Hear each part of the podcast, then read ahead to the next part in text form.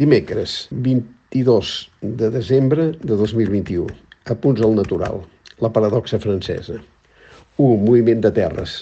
Des de que Valéry Pécresse va guanyar les primàries dels republicans, les expectatives de les eleccions presidencials franceses han canviat. Fa un mes la reelecció d'Emmanuel Macron semblava cosa feta. Ara ja no és tan evident i les enquestes donen opcions a Pécresse a la segona volta. Veurem el recorregut d'aquest primer impacte, però certament el guió ha canviat i si la candidatura conservadora en pot ser la beneficiada, no és ella l'única causa. El moviment de terres ha coincidit també en l'anunci de la candidatura d'Eric Zemmour, que ha entrat directament al terreny electoral del Front Nacional. Fruit d'una llarga construcció mediàtica amb la complicitat activa del grup Vivendi, Zemmour ha portat la radicalització fins a l'extrem, apostant per l'assimilacionisme fins a forçar els ciutadans a la renúncia a les cultures d'origen amb iniciatives tan ridícules com obligar els pares a posar noms francesos tradicionals als fills, per la lluita contra la immigració i per l'hegemonia absoluta del poder executiu sobre el legislatiu i judicial és a dir, un retorn al feixisme a la francesa en un moment en què Marine Le Pen porta anys, de fet, des de les darreres eleccions, adulcorant la seva imatge amb l'aposta per Europa, algunes senyals cap al feminisme i una menor beligerància verbal. La conseqüència de tot plegat és que Zemmour divideix l'electorat de l'extrema dreta i obre la porta a Valéry Pécresse està a la segona volta enfront de Macron. Estem a l'anèssim episodi de la psicopatologia de les petites diferències que tan mal ha fet sempre a l'extrema esquerra, víctima de les seves divisions, aquest cop traslladat a l'extrema dreta?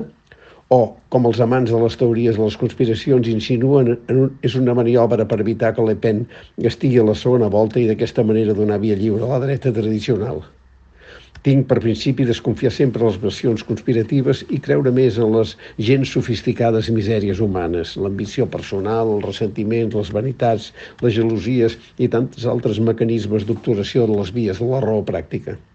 En qualsevol cas, comença el semestre de presidència europea de França i Macron comptava fer d'ella el motor de la campanya electoral per arribar al 10 d'abril, data de la primera volta, en plena expansió de la imatge institucional que tant cuida.